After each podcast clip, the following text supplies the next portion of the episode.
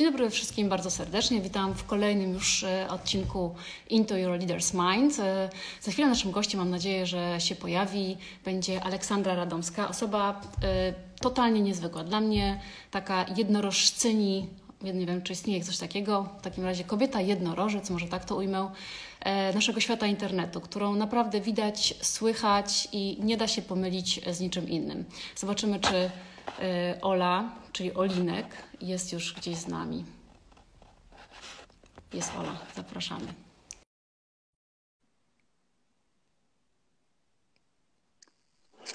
Ha! Załapałam się na zapowiedź. A, cudownie. Czy zgadzasz się z tym, że jesteś jednorożcem? Samicą jednorożca? Y, może tak być, pod warunkiem, że czasem ten jednorożec chowa się do stajni. Y, to tak, to się zgadzam. Chowa się do stajni, próbuje się ukryć wśród innych koni. Odpocząć po prostu, zaszyć się w sianie. Cudownie. Słuchajcie, y, Aleksandra, czy lubisz to imię, czy wolisz Ola? Wiesz co, no zawsze chciałam, żeby mówiono do mnie Aleksandra, traktowano poważnie, tak artystycznie, ale jednak wszyscy mówili Ola, a szczerze mówiąc, najczęściej, kiedy mnie poznawali, to sami zaczynali używać nazwiska Radomska, więc to nie jest tak, że ja to wymyśliłam, ale zawsze gdzieś tylko obracałam się w jakimś gronie, to z czasem zostawałam Radomską. Ale to jest fajne nazwisko, takie mocne, wiesz, i bardzo do Ciebie pasuje. No dlatego z niego nie zrezygnowałam po ślubie, mam dwa. Super. Droga Radomska w takim razie, Radomsko, Radomska, znowu jakieś mam stylistyczne dzisiaj e, kłopoty. Słuchajcie, e, autorka bloga Mam Wątpliwość, e, tak naprawdę vlogerka, blogerka, podcasterka, stand-uperka, kobieta wielu, wielu, która no ale jakby w potencjale, tak to nazwijmy. Kobieta, która, która potrafi mówić przez godzinę o, o wszystkim i się nie zatrzymywać. E, wydałaś teraz e, chyba w lipcu, prawda, totalnie bezcelową książkę pod tym samym tytułem, co, e, co Twój blog, która zresztą jest świetna i naprawdę ja bardzo polecam, przeczytałam, a wysłuchałam, bo ja wolę dokładnie, to jest ta książka. Zupełnie przypadkiem leży obok. I dokładnie i pasuje Ci do okularów, co też nie... Zupełnie przypadkiem. Oczywiście. Ola, powiedz mi, bo y, tak, ty tak deklarujesz, że jesteś totalnie niedopasowana. I powiedz mi, w którym momencie swojego życia ty się zorientowałaś, że ty naprawdę nie pasujesz i nie chcesz być tą grzeczną, miłą, poukładaną dziewczynką? Znaczy, zanim, zanim przestałam myśleć, że muszę być grzeczna i miła, to jeszcze czułam, że nie pasuje do mojego otoczenia, bo ja jestem córką rolnika. No i jest to pewna żenada, ale owszem, mój tata utrzymywał mnie, znaczy nie to, że mnie utrzymywał z uprawy ziemi oraz yy, yy, mleka krowiego, to, to jest powód do dumy absolutnie, bo utrzymywał mnie z ciężkiej, uczciwej pracy, ale żenadą jest to, że ja do dziś nie rozpoznaję zbóż, więc byłam naprawdę fatalną córką rolnika, kiedy siostra i kuzynki pracowały z tatą w polu w czasie żniw, to mi nie było można, bo byłam po przepuklinie, a poza tym na kombajnie okulary strasznie zachodzą e, kurzem i wtedy myliłam e, kartofle z e, kamieniami i nie nadawałam się do tego absolutnie. Co do bycia tą grzeczną dziewczynką, to chyba takim przełomowym momentem było po prostu zostanie mamą, kiedy kiedy już wiesz, że jest ta druga istota totalnie bezbronna i jeżeli ty się nie odezwiesz w jej i swoim imieniu, to ona się nigdy sama też nie odważy i będziecie tak po prostu pod kątem, pod nosem fukać e, na to, co powinno być powiedziane, wiesz, te takie błyskotliwe riposty trzy dni po tym zdarzeniu, w którym powinny wybrzmieć. No i to Lenka, Lenka myślę, że była takim przełomem w moim życiu, że gdzieś jeszcze byłam dużo więcej miałam sobie kurtuazji i takiego myślenia, co ktoś pomyśli, czy powinnam i czy mi wolno, czy nie jestem za młoda, czy nie jestem za garbata.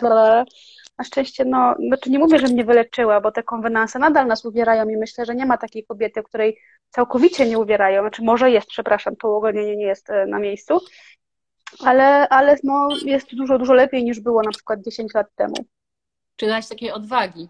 Ale powiedz, bo to jest tak, że wydaje mi się, że ty jednak jesteś super oryginalna i też jakby tak jak opisujesz całą tą swoją drogę, to jak byłaś dzieckiem, to też zawsze, ja mówię o tym niedopasowaniu, bo to jest super fajne, że ty dla mnie zrobiłaś z tego ogromną siłę tak naprawdę i gdzieś tak na takich cechach, które teoretycznie mogłyby być trudne, czyli tak jak mówisz, że nie, nie ogarniasz, zapominasz i ludzie się tym super martwią, że tak mają i sobie totalnie nie dają z tym rady, a ty gdzieś tam, no nie wiem, wydaje mi się, że zbudowałaś sobie na tym swoją wartość. Czy tak jest? Wiesz co, myślę, myślę, że y, to nie do końca jest tak, że jestem wyjątkowa poprzez te cechy, które opisujesz, bo tak jak mówisz, wiele osób je ma i kiedy ja mówię o tym głośno, że mylę daty, mylę imiona, E, jeżdżę na wywiady nie, nie w tego dnia, którego powinnam i, i robię masę nieogarniętych rzeczy i naprawdę gubię non-stop coś i sama się gubię w sobie, to ludzie mówią, czują taką ulgę, bo ja o tym mówię bez takiego wstydu chyba. Ja już to po prostu zaakceptowałam i wytłumaczyłam sobie, że osobowość, którą mam, ma swoje wady i zalety. I zalety są takie, że jestem bardzo łatwo nawiązuję kontakty, jestem kreatywna i twórcza, a wady są takie, że no nie, nie umiem funkcjonować w takiej rzeczywistości od do. Teraz mierzę się z nową, związaną z moją córką, która poszła do szkoły i przeżywam katorgę, bo to, co dla innych jest normalne i zwyczajne i oczywiste, e, no we mnie powoduje ataki paniki. Ale ja to po prostu akceptuję, po prostu już nie wyrzucam sobie tego, że tak jest, tylko stoję z boku i mówię sobie, oj Olcia, Olcia, znowu, i, i, i jestem dla siebie łaskawsza, bo świat nie jest łaskawym miejscem. I jeżeli ja nie będę dla siebie milsza, to nikt inny nie będzie, a poza tym nawet jak wszyscy będą dla mnie mili, to i tak będę całe życie szukać tej aprobaty, której y, brakowałoby mi we mnie, więc to nie jest tak, że uważam się za wspaniałą i wyjątkową i nietuzinkową, wręcz przeciwnie. Raczej y, mój głos mówi o tym, że każdy z nas jest jakiś. I nie chodzi o takie pielęgnowanie swojego egoizmu, chociaż on zdrowy jest bardzo potrzebny, tylko właśnie y, przyznanie ci y, takiego prawa do czucia się ze sobą ok, nie super, nie cudownie, nie, że możesz wszystko zdobywać szczyty i w ogóle jesteś wow, wow.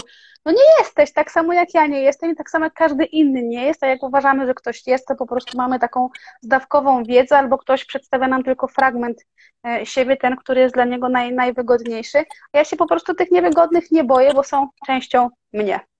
Super to, co mówisz, bo wiesz, to jest ta różnica dla mnie między samozachwytem a taką samoświadomością i akceptacją po prostu. I rzeczywiście ta druga daje ci siłę i jakby takie zmierzenie się ze sobą i dokładnie tak jak mówisz, że masz takie cechy i takie i jesteś całością taką i taką, która składa się w takich procentach z takich takich cech.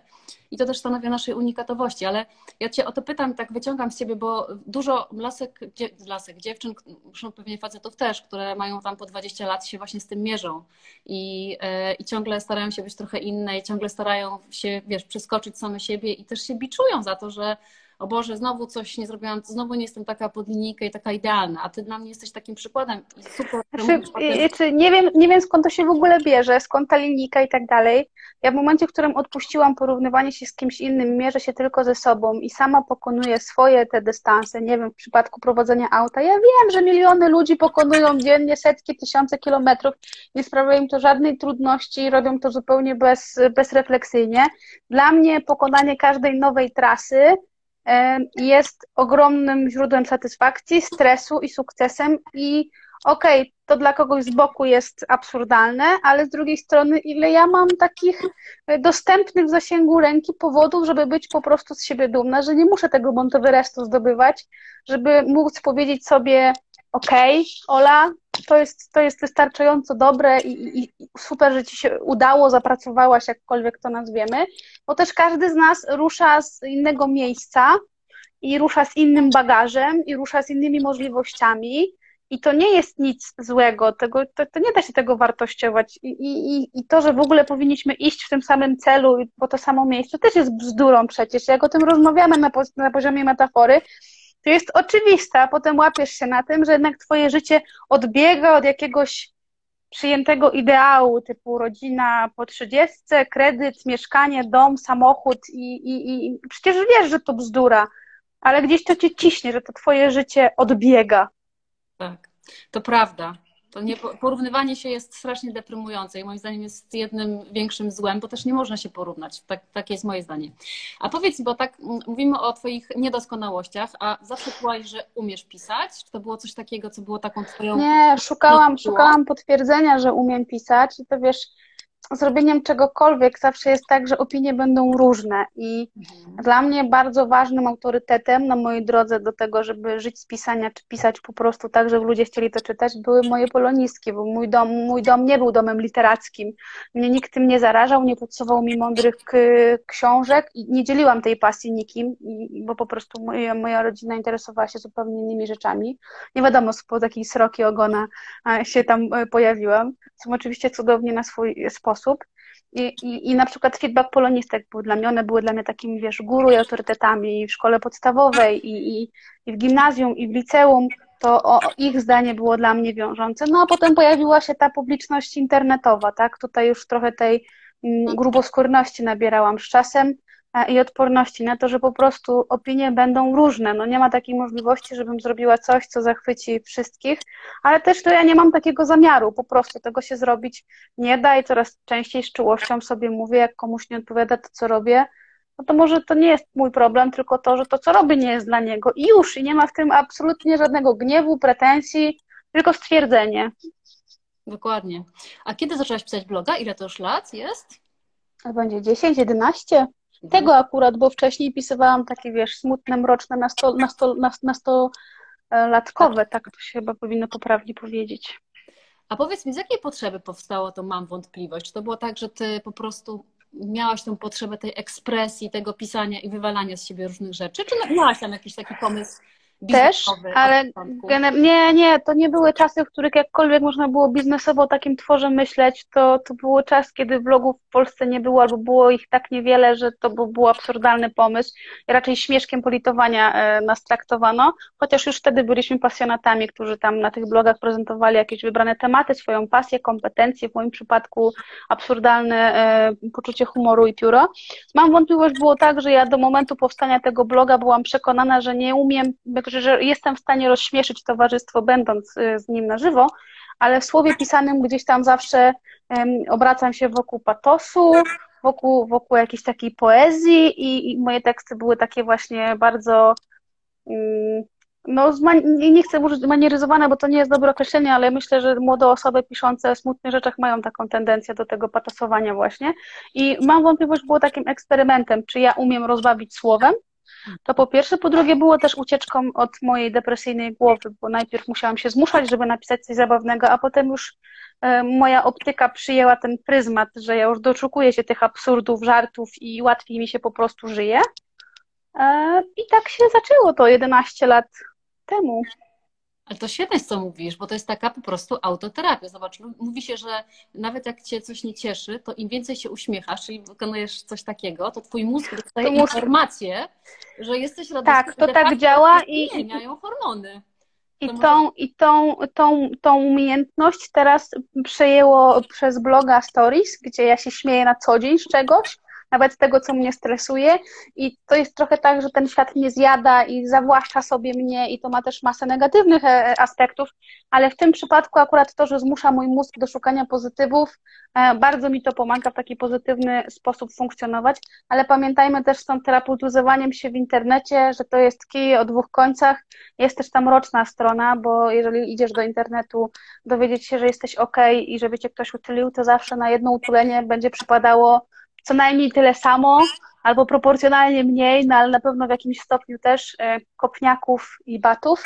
A to jest tak, że osoba, e, że psychika niedowartościowanej osoby będzie wyłapywała te negatywne e, informacje, a, a, a te pozytywne traktowała z niedowierzaniem. To, to ładne jest nieprawdziwe, to brzydkie i smutne jest jakieś takie brzydkie rzeczywistości i to ten, który mówi, że jesteś sraka taka i owaka, to on naprawdę.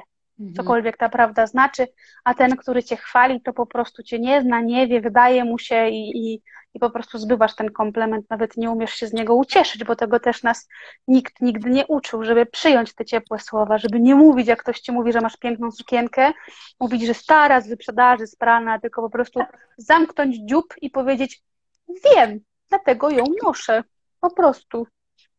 No, zostaliśmy wychowani trochę inaczej, wiesz, to, to już y, wiem, dlatego ją noszę zakrawa o daleko posuniętą arogancję, myślę, w, w, kontekście wychowania takiego, może już teraz nie, bo teraz już wychowujemy inaczej nasze dzieci, ale kiedyś tak było. E, a powiedz, a jak ty sobie poradziłaś? No bo rozumiem, że były te słowa krytyki. Czy miałaś na to jakiś taki swój sposób, czy to trochę ci zajęło jednak czas? Był taki etap tego, był taki etap tego funkcjonowania w internecie, że ja byłam e, tak e, skupiona tylko na nim. To był mój realny i nierealny świat, więc rzeczywiście od tego, co się w internecie zadziewało, zależało od tego, czy ja jestem smutna, czy wesoła dzisiaj, a no i po raz kolejny odsieczą, mimo że to jest taki e, odsiecz bardzo problematyczna i kłopotliwa, była rodzina, po prostu zakorzeniona w rzeczywistości realnej, takimi przyziemnymi problemami. Nabieram dystansu. No cóż z tego, że mnie ktoś tam kocha czy nienawidzi, jak ja i tak muszę obrać ziemniaki i tak. Wiesz, dzisiaj miałam taki akurat bardzo szalony dzień, pełen y, twórczych działań, o dziwo, nagrywania swoich rzeczy, przeprowadzania wywiadu z Melą Koteluk, potem biegłam na spotkanie z tobą tutaj, ale w międzyczasie obiad musiałam ogarnąć, także to mnie trzyma paradoksalnie w tej, tak blisko tej ziemi i, i w takich, takich ryzach, ale tego szukania potwierdzenia i afirmacji w internecie to jest bardzo duża pułapka zgubna. Czyli łapanie dystansu tego, ja też tak uważam, że to, ale to też mindfulness trochę o tym mówi, że wiesz, takie bycie tu i teraz, typu obieranie ziemniaków też jest mindfulnessowe e, i robienie normalnych totalnie, totalnie rzeczy tu i teraz e, jest absolutnie takim uziemieniem. Rzeczywiście wtedy się łapie dystans. No i słuchaj, robiłaś tego bloga, on był super i, i teraz powstała ta książka i tak się zastanawiałam, w sumie po co ci ta książka? Jeżeli ten blog jest e, popularny i tak tam piszesz wszystko, to ta książka była czym? Był taki problem, e, taki problem, że bałam się zmierzyć z tą dłuższą formą, powiedzmy, literacką, ze względu na to, że po prostu już mój mózg przyzwyczaił się do pisania krótkich tekstów, które mają formę postu, który rządzi się swoimi prawami i ma jakieś tam zasady, które ja sobie ustaliłam, żeby, żeby fajnie się go czytało, on zaciekawił i jakby zaspokajał tą potrzebę radomskiego pióra wśród ludzi, którzy czytają mnie na stałe, tak bym to nazwała. Natomiast y, napisanie książki było po pierwsze spełnienie tego dziecięcego marzenia, bo zanim zaczęłam pisać bloga, to marzyłam o pisaniu książek i też wyjście ze sfery komfortu, bo już pisanie na bloga stało się czymś, co ja już robię, co umiem robić. Tutaj już jakby wszystko zależy ode mnie. Nie ma redaktora, nie ma nikogo, kto nad tym trzyma pieczę, za to odpowiada, legitymizuje to. E, I, i, i, i, I myślę, że dlatego po prostu chciałam spełnić marzenie i utrzymać tak jak kiedyś, żeby namaściła mnie pani od polskiego, e, namaściło mnie wydawnictwo, które nie wydaje dziewczyny, znaczy dlatego też, tak, że mam grono odbiorców, ludzi, którzy mi ufają i zapracowałam sobie na to, że ludzie mnie słuchają i czytają, ale za tym musiało też pójść to, że ja umiem pisać.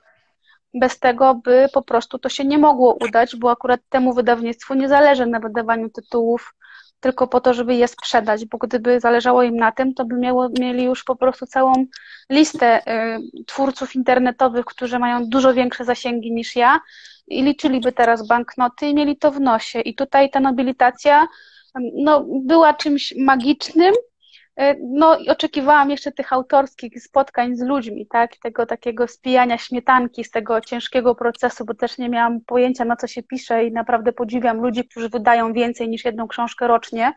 Nie wiem jak funkcjonują, jak, w jakiej rzeczywistości są osadzeni, czy po prostu są otoczeni asystentami, ale to, to jest absurdalna wizja dla mnie. I o, i powstało, mam wątpliwość, bez spotkań autorskich, poza tam wyjątkami i być może tymi, które e, uda nam się zorganizować we wrześniu, o ile oczywiście nie wrócą obostrzenia e, covidowe, bo tutaj każdy ma jeden wielki znak zapytania, dlatego ta organizacja jest na tyle skomplikowana, bo jednoznacznie nikt nie wie, co się wydarzy i co zostanie ustalone.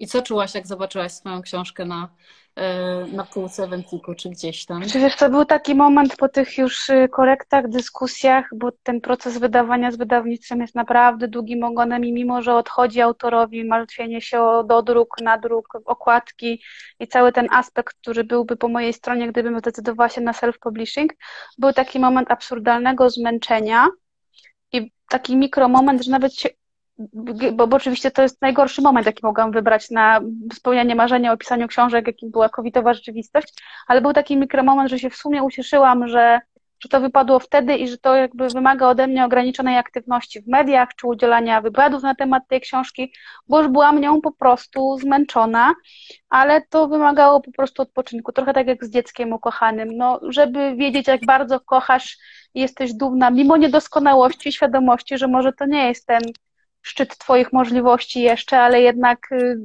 jasna droga ku temu, żeby, żeby się rozwijać jak odpoczniesz, to znowu czujesz, że kochasz i, i ten widok, to, to, to była ta śmietanka, której musiałam, jakby musiała mi wystarczyć, więc chodzenie po księgarniach, punktach pocztowych i kioskach i zaglądanie, znaczy niespecjalnie przy okazji jakichś tam wizyt i patrzenie, czy jestem, y, sprawiało mi dużą frajdę, no bo to zaraz minie, prawda? Zaraz pojawią się inne książki, które wyprą mam wątpliwość spółek i z rankingów, ale no tego już mi, co się wydarzyło, nie odbierze nikt. To jest właśnie fajne w przeszłości, że, że już ją masz i już e, się nie zmieni. Jeżeli była pozytywna, to po prostu możesz to sobie ciućkać jesiennymi wieczorami. Tak, wracać sobie do tego. A powiedz, masz taką tendencję, bo zobacz, tak jak mówisz, zaczęłaś pisać bloga po to, żeby sprawdzić, czy potrafisz pisać śmiesznie. Napisać książkę po to, żeby sprawdzić, czy potrafisz pisać długą formę masz jakiś pęd, taki autopęd do tego, żeby się wyprowadzić z strefy komfortu. Jak to jest? Tak. No właśnie, co ci to daje? Wiesz co, oglądanie siebie w innym świetle, bo jak wyjdziesz z ciemnego pokoju, to nagle widzisz zupełnie inne rzeczy i tak sobie nawet powtarzałam, że nawet gdyby ta książka się nie ukazała, to staram się być bardzo uważna na te procesy, które się we mnie uruchamiają w momencie, kiedy odważam się robić coś, co jest y, albo po prostu marzeniem odległym, albo jakąś abstrakcją samą w sobie. E, I, i, I te wycieczki zaczęły sprawiać mi frajdę. Oczywiście to po czasie, jak już trochę opadną emocje i opadnie ten stres, który zawsze, zawsze mi towarzyszy. E, I takie przeglądanie się w sobie. I ta legitymizacja, to może nie powiedziałabym już, że ja czekam, aż ktoś mi powie, że ja umiem pisać, tylko y, zgodzi się ze mną, że ja umiem pisać. O, tak, tak, no bo wydaje mi się, że e, marzyć o wydaniu książki z przekonaniem, że się nie umie pisać, no to trochę przeczy samemu sobie. Także zakładanie bloga z poczuciem, że może nie mam nic do powiedzenia i nikt nie będzie tego czytał, no też jakby to przeczy formie, jaką wybrałam na tą autoekspresję, więc nie, nie nazwałabym tego do końca szukania legitymizacji, tylko właśnie takiego potwierdzenia własnych tez. Już nie hipotez, tylko, tylko tez. Wiesz co, ale to jest w ogóle świetne moim zdaniem na życie, wiesz, taka metoda, że nie, że czekasz na opinię i nie wiesz, tylko ty masz tezę i tak naprawdę oczekujesz, że świat ci tą tezę potwierdzi. moim zdaniem to musi może sprawdzić każdy. I sprawdzam, wiesz, tak. mogło też tak być, że książka będzie porażką, że okazuje się, że ja się w takiej dłuższej formie totalnie nie sprawdzam, bo jestem jednak człowiekiem krótkich tekstów, felietonów i e, tak sobie wypracowałam już mechanizm obronny. No i co, Ola? No i co się takiego wydarzyło? Poza tym, że sięgnęłaś po to, po co większość ludzi może nie miałaby odwagi i zebrałaś bardzo cenną informację. To tak naprawdę spokój na resztę życia. Dowiadujesz się, że to nie jest dla ciebie a nie potem umierasz i mówisz y, swoim wnukom, a, bo ja to bym była na pewno pisarką, gdyby nie to i tamto i siamto i w ogóle gdyby moje życie się potoczyło inaczej, gdybym wyszła za Mariana, a nie Witolda, to w ogóle byłabym, ociekałabym szczęściem i tęczą. I takie cały czas życie warunkowe, byłabym szczęśliwa gdyby, byłabym spełniona gdyby, więc daję sobie to przyzwolenie. Nikt mi nie powiedział, do czego mu się nadaje, nikt nie, nie tak naprawdę jasno nie wskazał mi granic, do czego się nie nadaje i testuję siebie. Teraz mierzę się z tym wyzwaniem, w którym to ja przeprowadzam wywiady, w których to ja muszę, tak jak ty teraz, słuchać i szukać tego momentu, żeby zadać pytanie. Ja wiem, że nie jest idealnie. Taką pokorą i krytyką oglądam to, co robię, ale widzę też ten rozwój i wydaje mi się, że byłabym bardzo niesprawiedliwa wobec siebie, gdybym nie widziała progresu między zaledwie pierwszym a na przykład piątym spotkaniem z kimś. To też wiele zależy od okoliczności, od tego, z kim rozmawiasz i, i co się w Twoim życiu dzieje, ale no, bez względu na to, co powie internet, w którym to się zadziewa, ja przeżywam podróż i staram się z tej podróży czerpać jak najwięcej, bez względu na to, czy y, finał tej podróży będzie tym, co sobie wyobrażałam, czy nie. I tak było z książką. Tak sobie założyłam, że gdyby się okazało, że ona jest totalnym fiaskiem, tego procesu przeglądania się w sobie, czy świadomości, jak wygląda współpraca z redaktorem, no już mi nikt nie odbierze. Już nie muszę tego konsultować, tylko to już wiem i to jest mega cenne. To jest coś, o czym ja chyba będę opowiadać na przykład swojej córce, tak? Tak, czyli jakby Twoim sposobem, to jest też fajny sposób, Twoim sposobem na podejmowanie ryzyka i tak naprawdę na znalezienie takiej odwagi, żeby to zrobić, jest patrzenie sobie na, a co by było, gdyby coś tam, coś tam, coś tam i takie trochę budowanie scenariuszy i przeżywanie Wiesz, w głowie. Jak rozmawiam z kobietami, to one mają takie, też moja bliska znajoma, ma taką blokadę, zanim wyjdzie z progu, zanim jeszcze wykona jakikolwiek ciężar i ruch związany z tym, żeby sprawdzić się w tej konkretnej materii, zdobyć kompetencje i tak dalej, i tak dalej, to ona tu już jest wyczerpana na starcie, bo zastanawia się nad tym, co na przykład ktoś pomyśli. Ją to strasznie męczy. Co myśli ktoś? I tutaj podaje albo konkretne nazwiska tam trzech osób, które ją skrzywdziły albo nie szczędziły krytyki, albo po prostu obcych, którzy też będą okrutni. A odpowiedź na to jest bardzo prosta. Zasadniczo nie interesujemy ludzi aż tak. Nawet tak. jeżeli oni poświęcą swój czas, żeby nam tam dopiec w internecie napisać komentarz, to jeżeli oni poświęcają rzeczywiście swój czas i to jest jakiś korik zainteresowań, to należy im współczuć, ale raczej jest tak, że to zdarzenie w ich życiu też pewnie udokumentowane i ugruntowane czymś, co tam się u nich wydarzyło i po prostu wyleją swoją frustrację i tyle. Tak. To jest, to jest tyle. Wiesz co, ktoś mi kiedyś powiedział coś bardzo super mądrego, to chyba Lara Gessler, że tak naprawdę ci ludzie, którzy hejtują czy krytykują w internecie, oni nie krytykują ciebie, tylko krytykują swoje wyobrażenie na temat twojego wizerunku. I to tak naprawdę prawdopodobnie nie ma nic wspólnego z tobą. I to też jest takie Więc fajne... jak ja tam czytam, że rozczarowałam albo że się zmieniłam, no zmieniłam się, no czas mija i jakbym się nie zmieniała, to bym była gorzko rozczarowana mhm.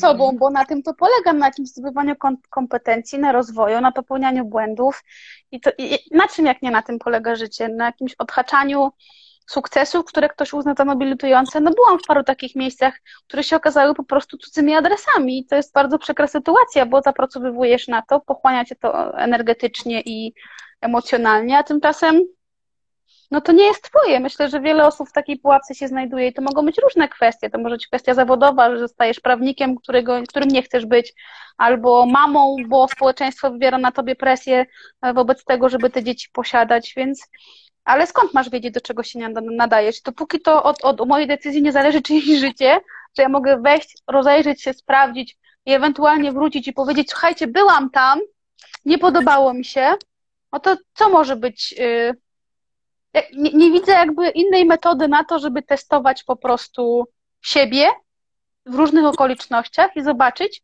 w których czuję się komfortowo, tam trochę odsapnąć, nabrać sił i znowu zastanowić się, czego jeszcze nie spróbowałam i zobaczyć, czy będzie mi to odpowiadać. Tutaj jest, widzę pytanie, jakie jest kolejne wyzwanie, które jest przede mną. No to bardzo konkretne, bo już w październiku mam się pojawić na scenie razem z Cezarem Pazurą i muszę stworzyć program kabaretowy dedykowany dokładnie temu wydarzeniu, bo to będzie w moich rodzinnych stronach, więc to będzie program dotyczący tylko tych stron, więc jakby to będzie program tam i tyle. I na tyle zabawny, żeby to siadło i na tyle, żeby być godnym supportem dla Pazury, więc to jest kolejny challenge. No i oczywiście wywiady, które przeprowadzam w ramach projektu Studio Łódź, bo kolejny wywiad już za dwa dni, więc y, tempo jest dosyć zawrotne, bo tutaj jeszcze, tak jak mówię, cały czas rzeczywistość się toczy, córka w pierwszej klasie, y, obiad y, w oczekiwaniu i, i tak dalej, i tak dalej. Ale jak sama powiedziałaś, nie znosisz rutyny, więc myślę, że te twoje challenge kolejne są też po to, żebyś miała brak rutyny i ciągle nowe jakieś tam wyzwania i ekscytacje, i jakąś tam zmianę i nowe, nowe rzeczy. Powiedz mi, rozumiem, że też jakby mm, cała przygoda ze sceną stand-upową i to, że wziąłeś udział w konkursie, to też była trochę takie wyjście, prawda, z tej strefy komfortu. to było Wiesz, ja bardzo długo szukałam takiego pomysłu na siebie, który mogłabym wynieść poza internet i to absurdalne, bo ja przecież bawię ludzi codziennie. Dlaczego ja nie wpadłam na to, że mogę ich bawić na scenie? Ciężko mi powiedzieć, ale myślę, że wiele razy mieliśmy e, w swoim życiu takie przykłady, że nie wiem, szukaliśmy miłości, a się okazywało, że ten sąsiad za płotu jest tym, kogo szukamy, albo musieliśmy dojrzeć do pewnych rzeczy. Może to o to chodziło, bo do, do pisania dojrzewałam, potem do nagrywania filmików i może ta scena też musiała poczekać, aż ja wypracuję sobie taki poziom wewnętrznego przekonania, że mogę, o, tak bym to ujęła. Mhm. A powiedz, w czym czujesz się najlepiej? Czy masz tak, że to jest absolutnie porówno, czy jest na przykład, nie wiem, czy jak stoisz na scenie, to czujesz się inaczej, czy jak siedzisz, nie, jest, jest, inaczej? Jest bardzo różnie i to jeszcze, to jeszcze mam wiele lekcji do odrobienia, jeszcze długa, bardzo droga przede mną, związana na przykład z tym, że o ile daję sobie zgodę na próbowanie nowych rzeczy i popełnianie błędów, i przeżyję, jeżeli ten występ będzie fiaskiem. Trochę popłaczę, ale się otrzepę i wyciągnę wnioski. O tyle mam problem z odpoczywaniem. I ja bardzo lubię wyzwania i adrenalinę, mhm. ale też organizm nie znosi próżni. I przyznaję się bez bicia, to jest mój problem. Mam problem z odłączeniem się. To nawet nie chodzi o Wi-Fi, elektronikę, tylko o myślenie, o wyłączenie tego wiem, że mój organizm leci na takich najwyższych obrotach i mi się przewody przepalają, przez co notorycznie usypiam po prostu o 21 e, z moją córką, bo mój organizm się broni po prostu przed przegrzaniem i przed zbyt wysokimi obrotami i tego nie umiem. I myślę, że o tym też warto otwarcie mówić, nie tylko o tym, co się udaje i co nas uczy, tylko to, co nas trochę frustruje, ale jednak też jest jakąś informacją zwrotną o temat, odnośnie, e, o informację zwrotną od naszego organizmu, że, że no nie umiem tego ręcznego zaciągnąć i nawet jak wyjeżdżam i mnie nie ma i teoretycznie okoliczności sprzyjają, to ja nie czuję, że wypoczywam i szukam, i szukam i wrócę na terapię i pojadę na jakieś warsztaty, których kiedyś w ogóle bym nie pomyślała, pewnie bym je wyśmiała, E, bo jestem ciekawa siebie w tych nowych okolicznościach i chciałabym taką siebie, którą mogę utulić, odetchnąć. I to, jak ja się czuję na scenie przed mikrofonem czy pisząc, zależy właśnie od tego zasobu energii, który akurat mam. Bywa tak, że to pisanie mnie uskrzydla i sprawia, że się momentalnie rozbudzam i po prostu tekst płynie. A bywa tak, że wychodzę na scenę i po prostu ten uśmiech jest generowany na potrzebę tego występu, a tak naprawdę nie jest mój i, i ja tego nie czuję i gdzieś tam w środku bardzo mi z tym nie po drodze, że akurat muszę. No ale ja to nie tylko moje odczucia, ale też zobowiązania wobec innych ludzi po prostu. To jest ta dorosłość słynna. A skąd czerpiesz w takim razie energię? Bo czasami to nie jest kwestia tego, że nie odpoczywasz, tylko czasami to jest kwestia tego, że jest za mało źródeł czerpania energii. Co ci daje satysfakcję, energię, radość. Wiesz co, jak, y, jak nastąpiła pandemia i wszyscy zostaliśmy zatrzymani w czasie i miejscu, to ja sobie wyznaczyłam y, taką, taki codzienny cel, żeby po prostu nie zwariować i, i bardzo mi pomagało to, że fakt faktem, że to też y, w bardzo dziwny sposób, bo z zegarkiem w ręku wymagałam od siebie z batem nad sobą, bo też jestem wobec siebie taka zero-jedynkowa, tak, że jak nie robię, to się na siebie wkurzam i frustruję, więc nie zawsze tak głaszczę miło, ale takie spacerowanie po nic. Mhm. Pójście po prostu przed siebie w ciszy i w ogóle odpoczywam w ciszy. Z tym ekstrawertykiem, któremu się nie zamyka gęba, ale odpoczywam tu, gdzie właśnie rozmawiamy, nie pokażę, bo jest tu straszny bałagan. To jest mój gabinet, jak córka uśnie, uda mi się nie usnąć, to ja sobie tutaj siedzę w ciszy po prostu.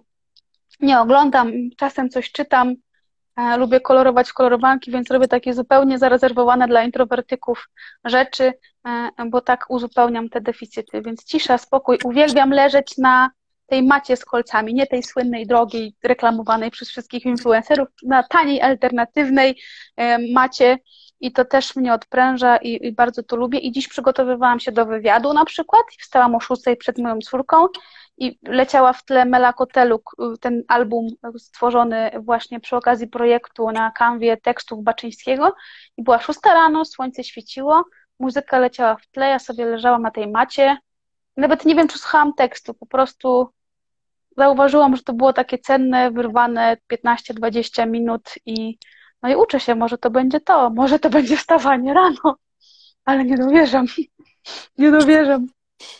No, to jest potrzebne, ja to wiem. To jest też taka cisza i e, brak ludzi dookoła, przynajmniej w moim wypadku. Też potrzebuję takiej przestrzeni do poukładania. No i coś, coś absolutnie obrzydliwego, do czego się ludzie nie przyznają, ale wielu, wiele ludzi mi to przy, przy ten, przy, przytakuje temu, jak już ja się przyznam, bo ja się nie wstydzę takich rzeczy, bo wstyd to kraść. E, relaksują mnie strasznie filmiki z wyciskaniem pryszczy. Jestem fanką. Na szczęście one się tam, jakby to jest niekończąca się historia. Ludzie się wciągają w odcinki seriali, a ja po prostu potrafię tam do trzeciej w nocy, bo to jest bezpieczne dla mnie. Pisałam zresztą o tym w książce, że ja znam bohaterów, nie muszę pamiętać imion, wiem kto umrze, nikt nie będzie skrzywdzony. To jest absolutnie fabuła na miarę moich potrzeb, przepalenia emocjonalnego. I, i jakby i mi to wystarcza. I ja mogłabym bo to ukrywać i się tego wstydzić, ale stwierdzam, Wielu ludzi obnosi się publicznie ze swoją głupotą, żenadą i mówi absolutne bzdury bez cienia wstydu. To dlaczego ja mam się wstydzić czegoś, co nie wyrządza absolutnie nikomu krzywdy? Więc to jest moja metoda. Myślę, że jeszcze pomagasz innym, bo nagle inni czują się też w miarę normalni ze swoimi różnymi. No i okaz okazuje się, że każdy z nas jest na swój sposób popieprzony i nie ma w tym nic popieprzonego. Nie, to jest piękne, ja uważam.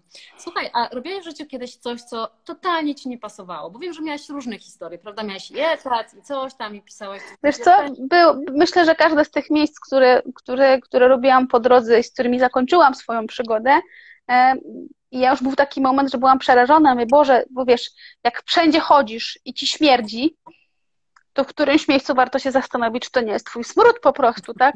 Czy to ze mną jest coś nie tak, że ja wszędzie nie pasuję.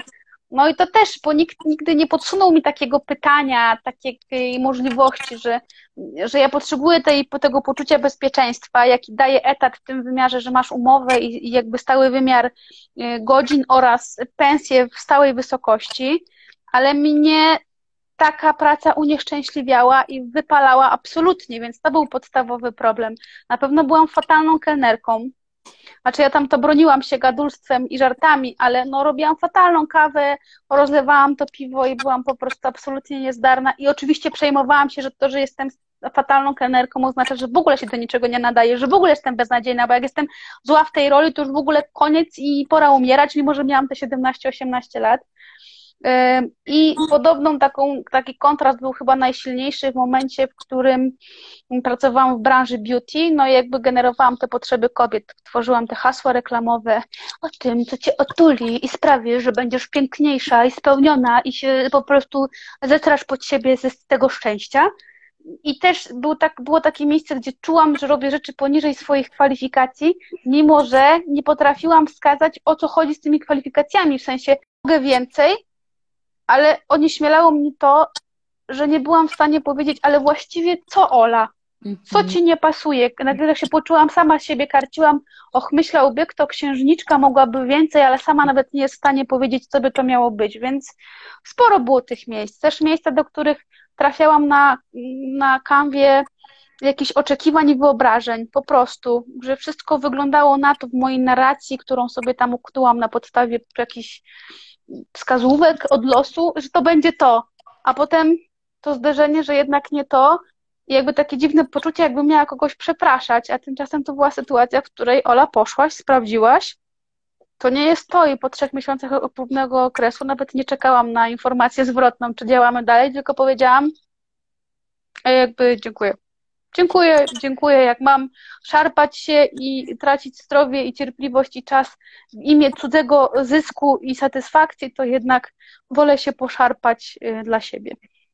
A jakie były takie sygnały? Wiesz, to bo bardzo dużo dziewczyn tkwi w takich miejscach, w których właśnie nie chciałoby tkwić, bo pieniądze, bo pensje, bo etat, bo dokładnie, co ty dziewczyna jeszcze chcesz więcej od życia. I jakie były takie no. sygnały, że czułaś, kurde, że no nie dasz rady? No ja, same, ja sama sobie prowadziłam z sobą negocjacje, tak? W sensie na siłę, non-stop na pierwszy plan wyciągałam to, co e, broniło to miejsce, czyli powtarzałam sobie, że Ola, no możesz narzekać, ale kończysz pracę o 16, tutaj zdążysz odebrać dziecko gdzie indziej. Nie wiadomo.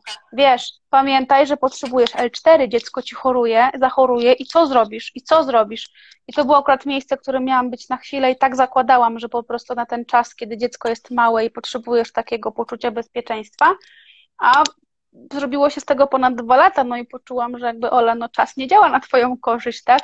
Młodsze koleżanki, które właśnie kończą studia i nie mają zobowiązań, będą w stanie zrobić to wszystko, czego ty się boisz, za dużo mniejsze pieniądze i w nienormowanym, w nienormowanym czasie pracy, no bo jest taki moment, w którym już się nie chcesz godzić na nadgodziny i na pracowanie za dziękuję.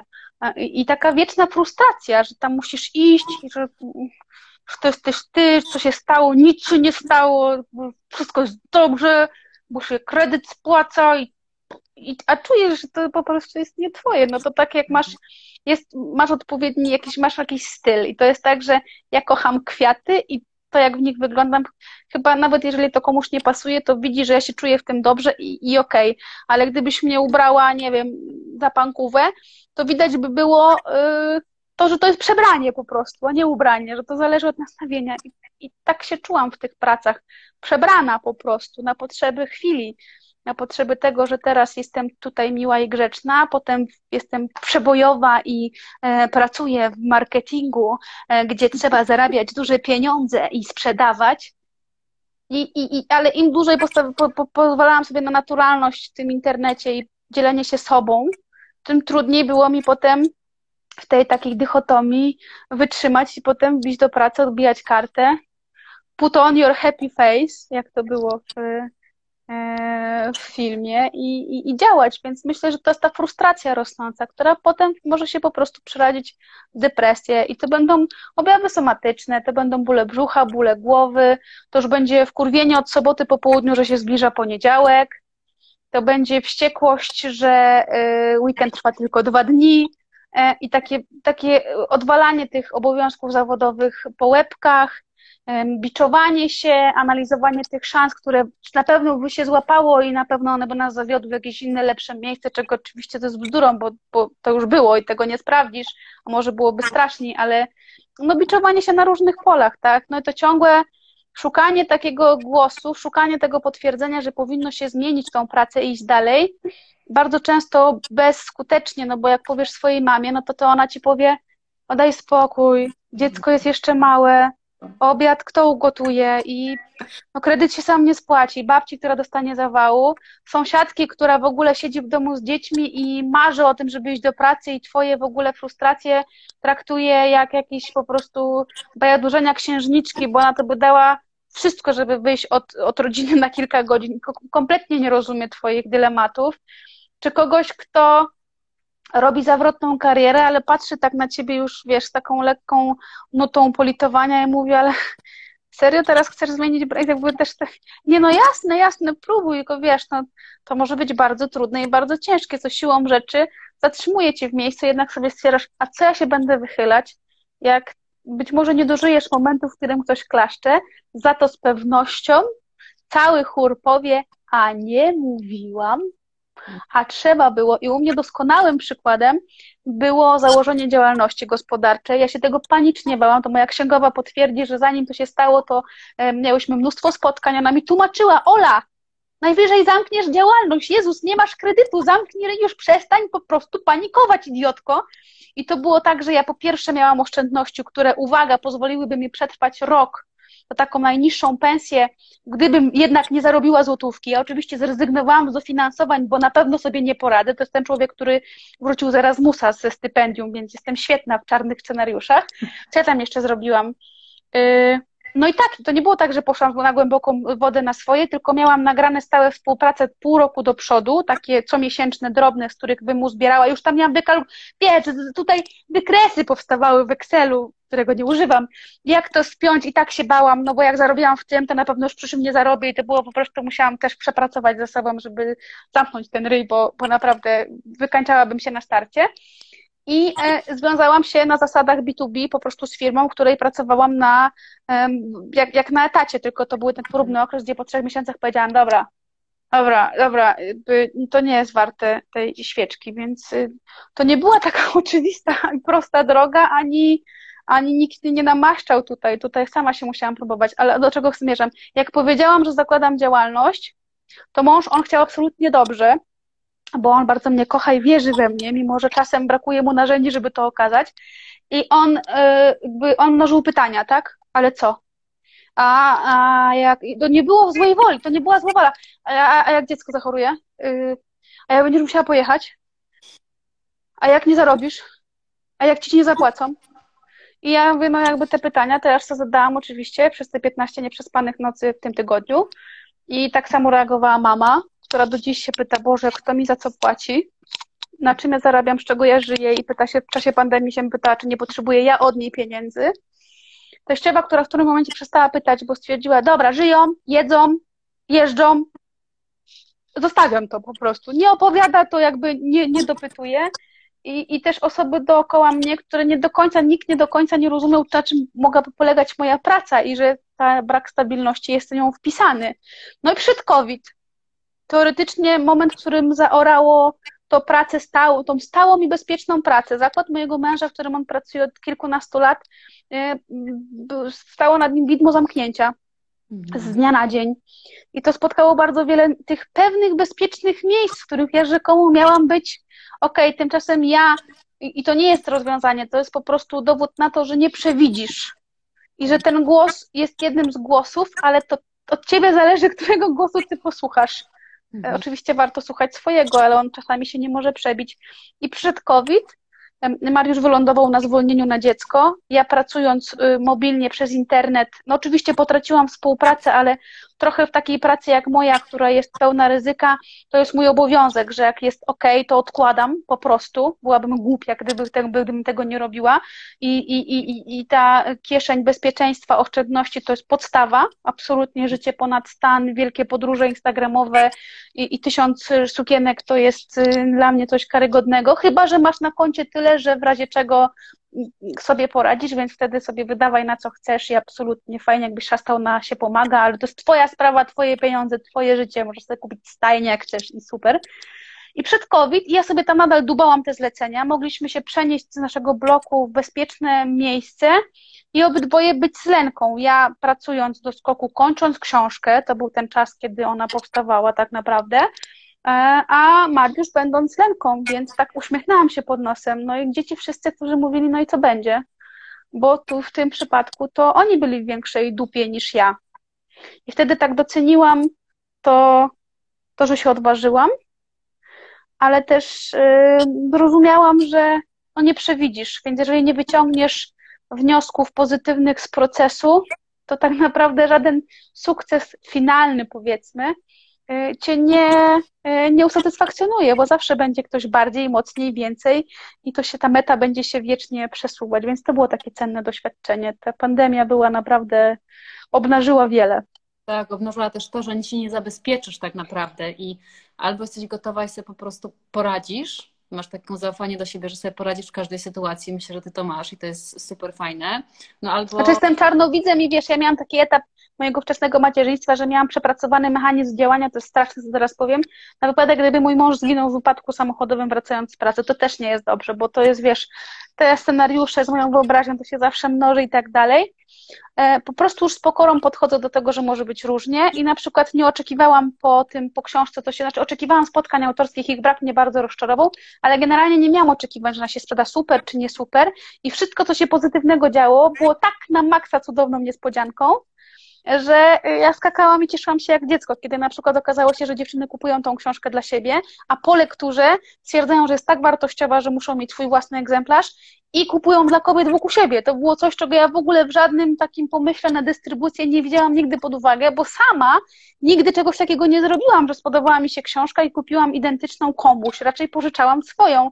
I tutaj mnie życie pięknie zaskoczyło, bo to też warto mówić, ono zaskakuje nie tylko strasznie, Czasem tak. zaskakuje pięknie, tylko trzeba być uważnym, tak? I ja tą pokorę pielęgnuję. Każdego dnia ktoś zazdrości ci tego, czego ty nie doceniasz. To jest jedna z moich bardzo e, ważnych dewiz i co jak obudzisz się tylko jutro z tym, za co podziękowałeś zasypiając. I to są te dwie rzeczy, które mnie tak chłostają po pysku, kiedy tam mnie męczy to, że za mało, za bardzo, że ja powinnam mieć dom, a nie bloki, w ogóle nie tak, nie tak. To te dwa, dwie myśli mnie tak trochę koją, stopują. No, to jest trochę brak oczekiwań, prawda? Bo oczekiwania myślę, że są naj, najgorszą, masz światełko, tak. Najgorszą, tak, bo z ok najbardziej takim destruktywnym, moim zdaniem, elementem naszych myśli. Jeżeli my ciągle czegoś oczekujemy i ciągle jesteśmy to albo rozczarowani, albo usatysfakcjonowani, ale tak naprawdę nie dajemy e, temu światu nas zaskoczyć, tak jak mówisz, pozytywnie. A powiedz, Ola, jak, jak to było z pieniędzmi? Jaki ty miałaś... E, ty też opowiadałaś dużo różnych historii. Dużo... Mnie, mnie na przykład to zastanowiło, bo w twojej książce chyba było to akurat, o tym, że e, chciałaś, żeby cię lubili, więc i to było ważniejsze dla ciebie niż żeby ci tak. płacili. To było bardzo chore, to było bardzo niezdrowe, też nikt nie powiedział mi, nie nazwał tego z boku i myślę, że gdybym miała wokół siebie jakiś mądry autorytet, to do tych wniosków doszłabym szybciej, oszczędziłabym sobie sporo rozczarowania, ale rzeczywiście było tak, że ja w nowe miejsce pracy wchodziłam tak trochę jak do rodziny i chciałam być akceptowana i wydawało mi się to absolutnie naturalne, że jak się lubimy i rozmawiamy, to że kwestie finansowe, przecież tutaj mnie nikt nie oszuka, no proszę cię, przecież jest, znamy się i lubimy. I też wiele razy przekonałam się o tym, że ten feedback od szefowej, szefa jest dużo ważniejszy niż ten, że tak powiem, ta, te cyferki na, na koncie. Jednocześnie czułam ten potencjał, że ja mogłabym zarabiać pieniądze. I nie zapomnę, jak rozmawiałam z bardzo mądrą Agnieszką Kalugą z Zorkowni. Miałam wtedy 20 lat, szukałam tej pierwszej pracy, która, wiesz, no te staże, praktyki, wszystko za darmo, żeby w końcu już tam, wiesz, szósty bieg, jedziemy, zarabiam, ja tam mam plany, ja tam muszę ogarniać, będę żyć z pisania i jakby dawaj, dawaj, dawaj, muszę wiedzieć, muszę wiedzieć, muszę wiedzieć. I taka właśnie byłam rozdykotana, że ja muszę wiedzieć. Siedziałam u niej na kanapie, ona mówiła, Ola, daj sobie czas. Ja byłam taka wkurwiona na nią, mówię, taka jesteś cwana, bo jesteś ode mnie starsza 10 lat, twój stary ma dobrą pracę, więc jakby tobie coś się nie udało, to sobie poradzicie. I, i, i tylko pamiętam, że z tej rozmowy, że on taka, dobra, wiesz co, w dupie mam takie rady, w dupie mam, daj sobie czas, powiem, powiem w ogóle w, w, w komórkowej, w playu, powiem, że nie zapłacę, bo muszę sobie dać czas.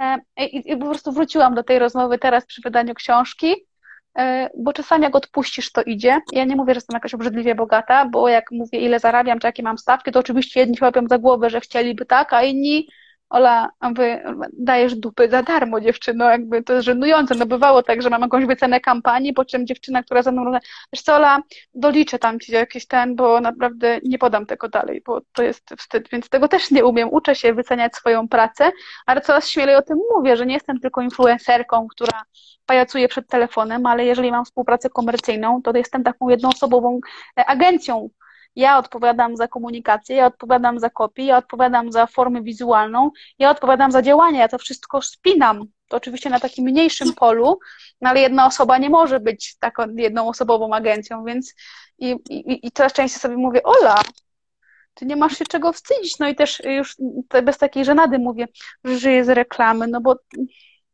to jest to wycenianie tej reklamy jak w czasopiśmie, że masz nakład gazety 10 tysięcy i najmniejszy fragment w tej gazecie reklamy kosztuje grube tysiące i to nikogo nie dziwi i nie szokuje, a, a wycena w social mediach nadal budzi kontrowersje, no bo jak za takie coś brać pieniądze? Przecież to nie jest prawdziwa praca.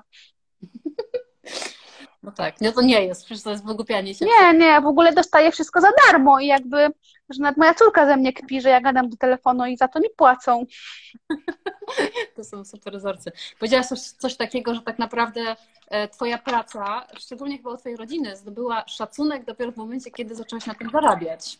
Jest coś takiego, że. Tak, jak ktoś z zewnątrz, wiesz, wydaje mi się, że to nie należy mieć pretensji do tej rodziny, bo łapę się na tym, jak, na, jak, jak y, jestem mamą że coś ja sądzę o moim dziecku, ale to inaczej, kiedy ktoś ci potwierdzi, bo zawsze tak sobie powtarzam, wiesz, no seryjny morderca, jego matka też pewnie myślała, że ma miłe dziecko, nie? Też tam była dumna, więc warto może jednak mieć tą szerszą perspektywę, więc absolutnie nie mam pretensji, ale rzeczywiście yy, ja musiałam długo wierzyć sama, bo oni uwierzyli na przykład, nie wiem, kiedy już pojawiły się takie rzeczy, które dla wielu są wyznacznikiem sukcesu, ja też musiałam to przepracować, jak nie wiem, występ śniadaniowej telewizji.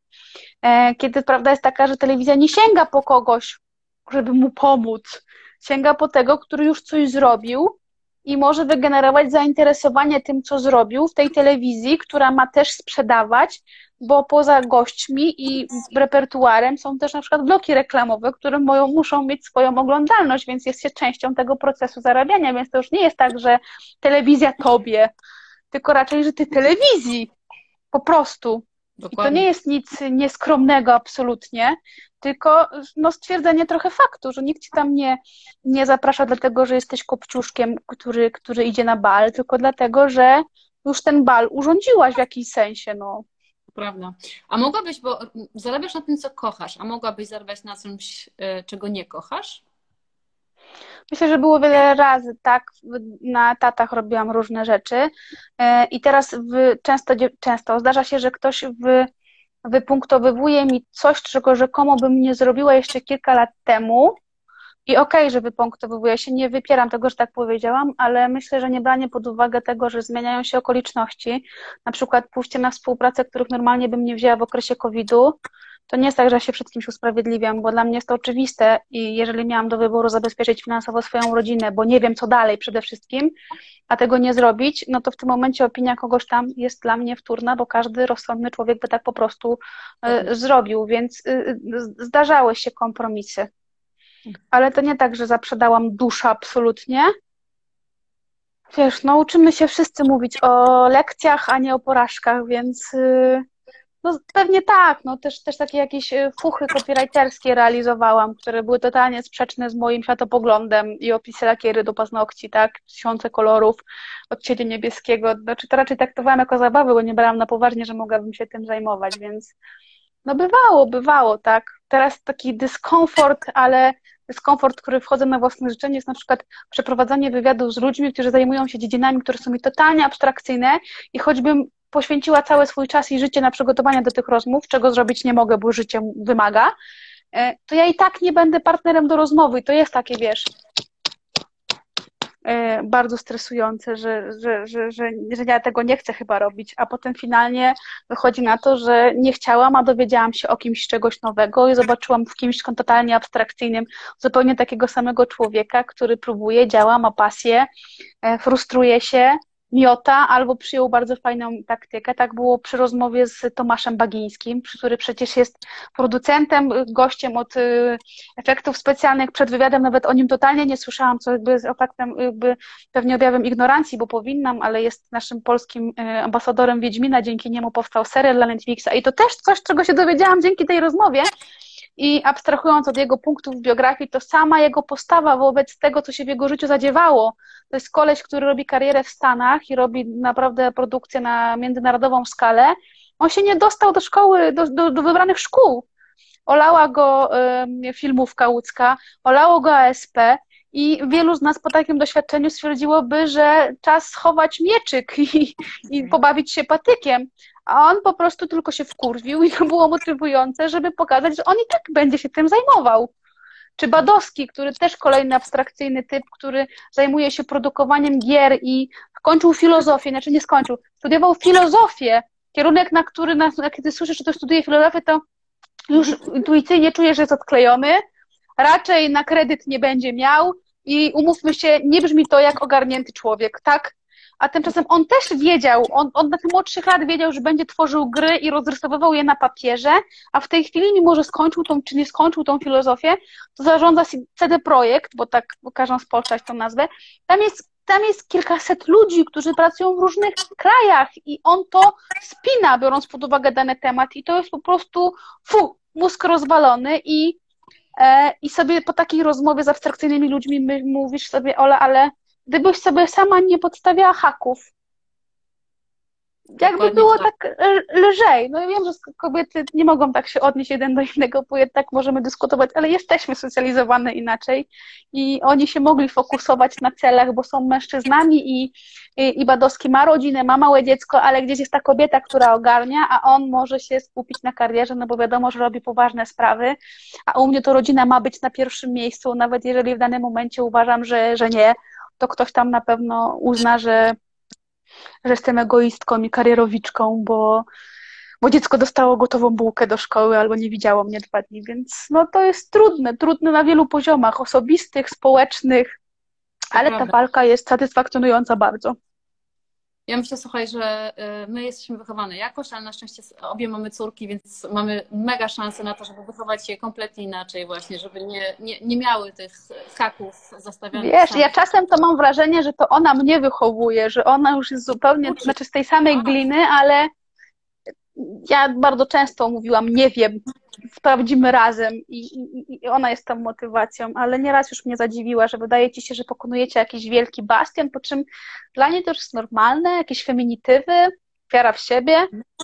Mordo, no proszę cię, o czym ty rozmawiasz ze mną, no, jak się kredki struga, więc, no więc ja... to jest urocze. Tak. Ja czegoś nie mogę, ale dlaczego mamy ja tego nie o, mogę? A on właśnie. to może. Nie, nie ma... Dokładnie. Ola, słuchaj, teraz nas e, Instagram niestety odłączy, bo po godzinie oni się z jakiegoś powodu e, wyłączają i można gadać tylko przez godzinę. Ostatnie pytanie. Moja droga Radomska, co ty byś chciała po sobie zostawić na tym świecie? Jakieś dobre żarty, teksty, które będą funkcjonować, jak już nie będzie, jak z dobrych filmów. E, I takie poczucie jakiejś tam dziewczynie, która gdzieś mnie ogląda, która nie traktuje mnie jak bohaterkę, nawet nie musi kojarzyć. Kurczę, spróbuję to, co mhm. dostaję w wiadomościach, kurczę, spróbuję, może jednak wrócę na to prawko, może jednak y, spróbuję zmienić tę pracę, albo może właśnie przemyślę, że wszyscy chcą, żebym zmieniła, bo uważają, że potrzebuję ambitniejszej, a może właśnie nie. Rozmawiałam kiedyś z córką bardzo wykształconej kobiety, po której wszyscy oczekiwali jakiejś zawrotnej kariery, a ona powiedziała, że dla niej prawdziwą odwagą było zrozumienie, że ona nie chce tej kariery. Ona chce mieć normalną posadę w korpo, y, socjal, normowany czas pracy i takie poczucie bezpieczeństwa i ratę kredytu. Ona ma w dupie te sukcesy, którym ktoś by klaskał, bo nikt nie odda ci tej pracy i wysiłku, który musisz włożyć w to, żeby osiągnąć coś, co ona odkryła, że nie jest jej. I to jest cudowne. Y, chciałabym umieć tak inspirować do szukania swojej drogi, nie pójście moją. Jesteś jednorożcem, moja droga, dla mnie na zawsze. Nie samicą jednorożca, tylko jesteś po prostu totalnie rasowym jednorożcem, który jest absolutnie przykładem do naszego. No, czuję czasem, że mam takie jaja, no tak czuję, że mi między nogami uwierają. Super. Ola, bardzo Ci dziękuję. Super rozmowa, super energią. Jesteś absolutnie dziękuję. Wspaniałą e, osobą i też e, niesamowicie wrażliwą, co było dla mnie takim przemiłym e, odkryciem dzisiejszego. Wrażliwość to nie jest słabość, tego będę, nie, tego będę bronić. Nie wiesz, ja wiem, że ty wiesz, ale wielu, wielu się tego wstydzi, że jest wrażliwa, a ja już się tego nie wstydzę. Ja chłonę życie. I jak się je nie odczuwa i nie przeżywa, to ja w takim razie nie chcę takiego innego życia. I tego się trzymajmy. Dziękuję, Ola. Dzięki, piękne. Mam nadzieję, że live będzie zapisany, żebym sama mogła do tego wrócić. Tak, jest zapisany, będzie zapisany, będzie można potem jako podcast posłuchać też na Spotify'u Her Impact, więc zapraszamy wszystkich i do czytania Twojej książki, bo jest naprawdę świetna, albo słuchania. Dziękuję ja pięknie. Trzymaj się. Dzięki ogromne, pa! Miłego